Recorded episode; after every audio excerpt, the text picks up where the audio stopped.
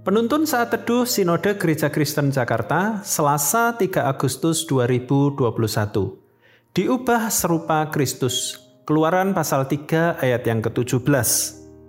Jadi aku telah berfirman, aku akan menuntun kamu keluar dari kesengsaraan di Mesir, menuju ke negeri orang Kanaan, orang Het, orang Amori, orang Feris, orang Hewi, dan orang Yebus, ke suatu negeri yang berlimpah-limpah susu dan madunya. Bangsa Israel bukan hanya dibebaskan dari perbudakan di Mesir saja, tetapi bangsa itu harus dibentuk oleh Allah dengan jalan berjuang menghadapi musuh-musuhnya, yaitu orang Kanaan, orang Het, orang Amori, orang Feris, orang Hewi, dan orang Yebus sebelum mereka mendiami negeri yang berlimpah susu dan madunya tersebut. Allah ingin membentuk karakter umatnya, mengikis emosi mereka yang kekanak-kanaan, menghancurkan kejahatan yang melekat dalam diri mereka, dan seterusnya. Demikianlah cara Allah membentuk hidup kita. Setiap aspek kehidupan melibatkan proses perubahan.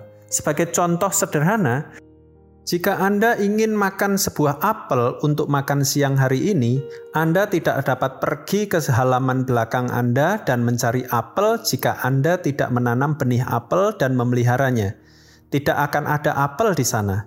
Jika Anda ingin menuai apel, Anda harus menanam benih apel dan memeliharanya sepanjang musim.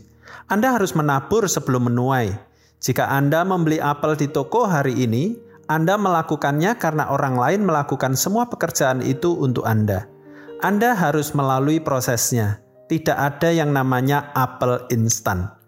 Anda harus berjuang dan berusaha setiap hari untuk bebas dari penjara emosi Anda. Dengan pertolongan Roh Kudus, kita pasti dimampukan sampai kita benar-benar bebas, termasuk dari penjara emosi kita. McConnor berkata, butuh waktu seumur hidup untuk menjadi seperti Yesus, menanggalkan semua kebiasaan lama dan mengenakan kebiasaan yang baru.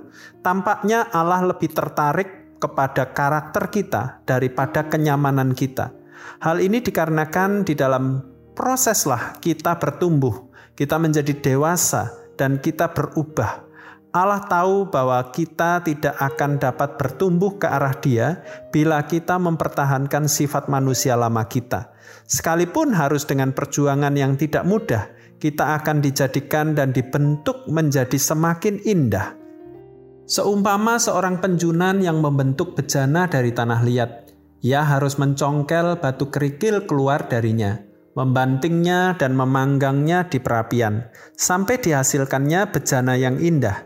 Emosi kita seperti bejana tersebut yang harus dihancurkan dan dilembutkan oleh sang penjunan. Proses harus kita lewati sekalipun tidak menyenangkan, tapi percayalah bahwa kita akan dibawanya ke tanah perjanjiannya.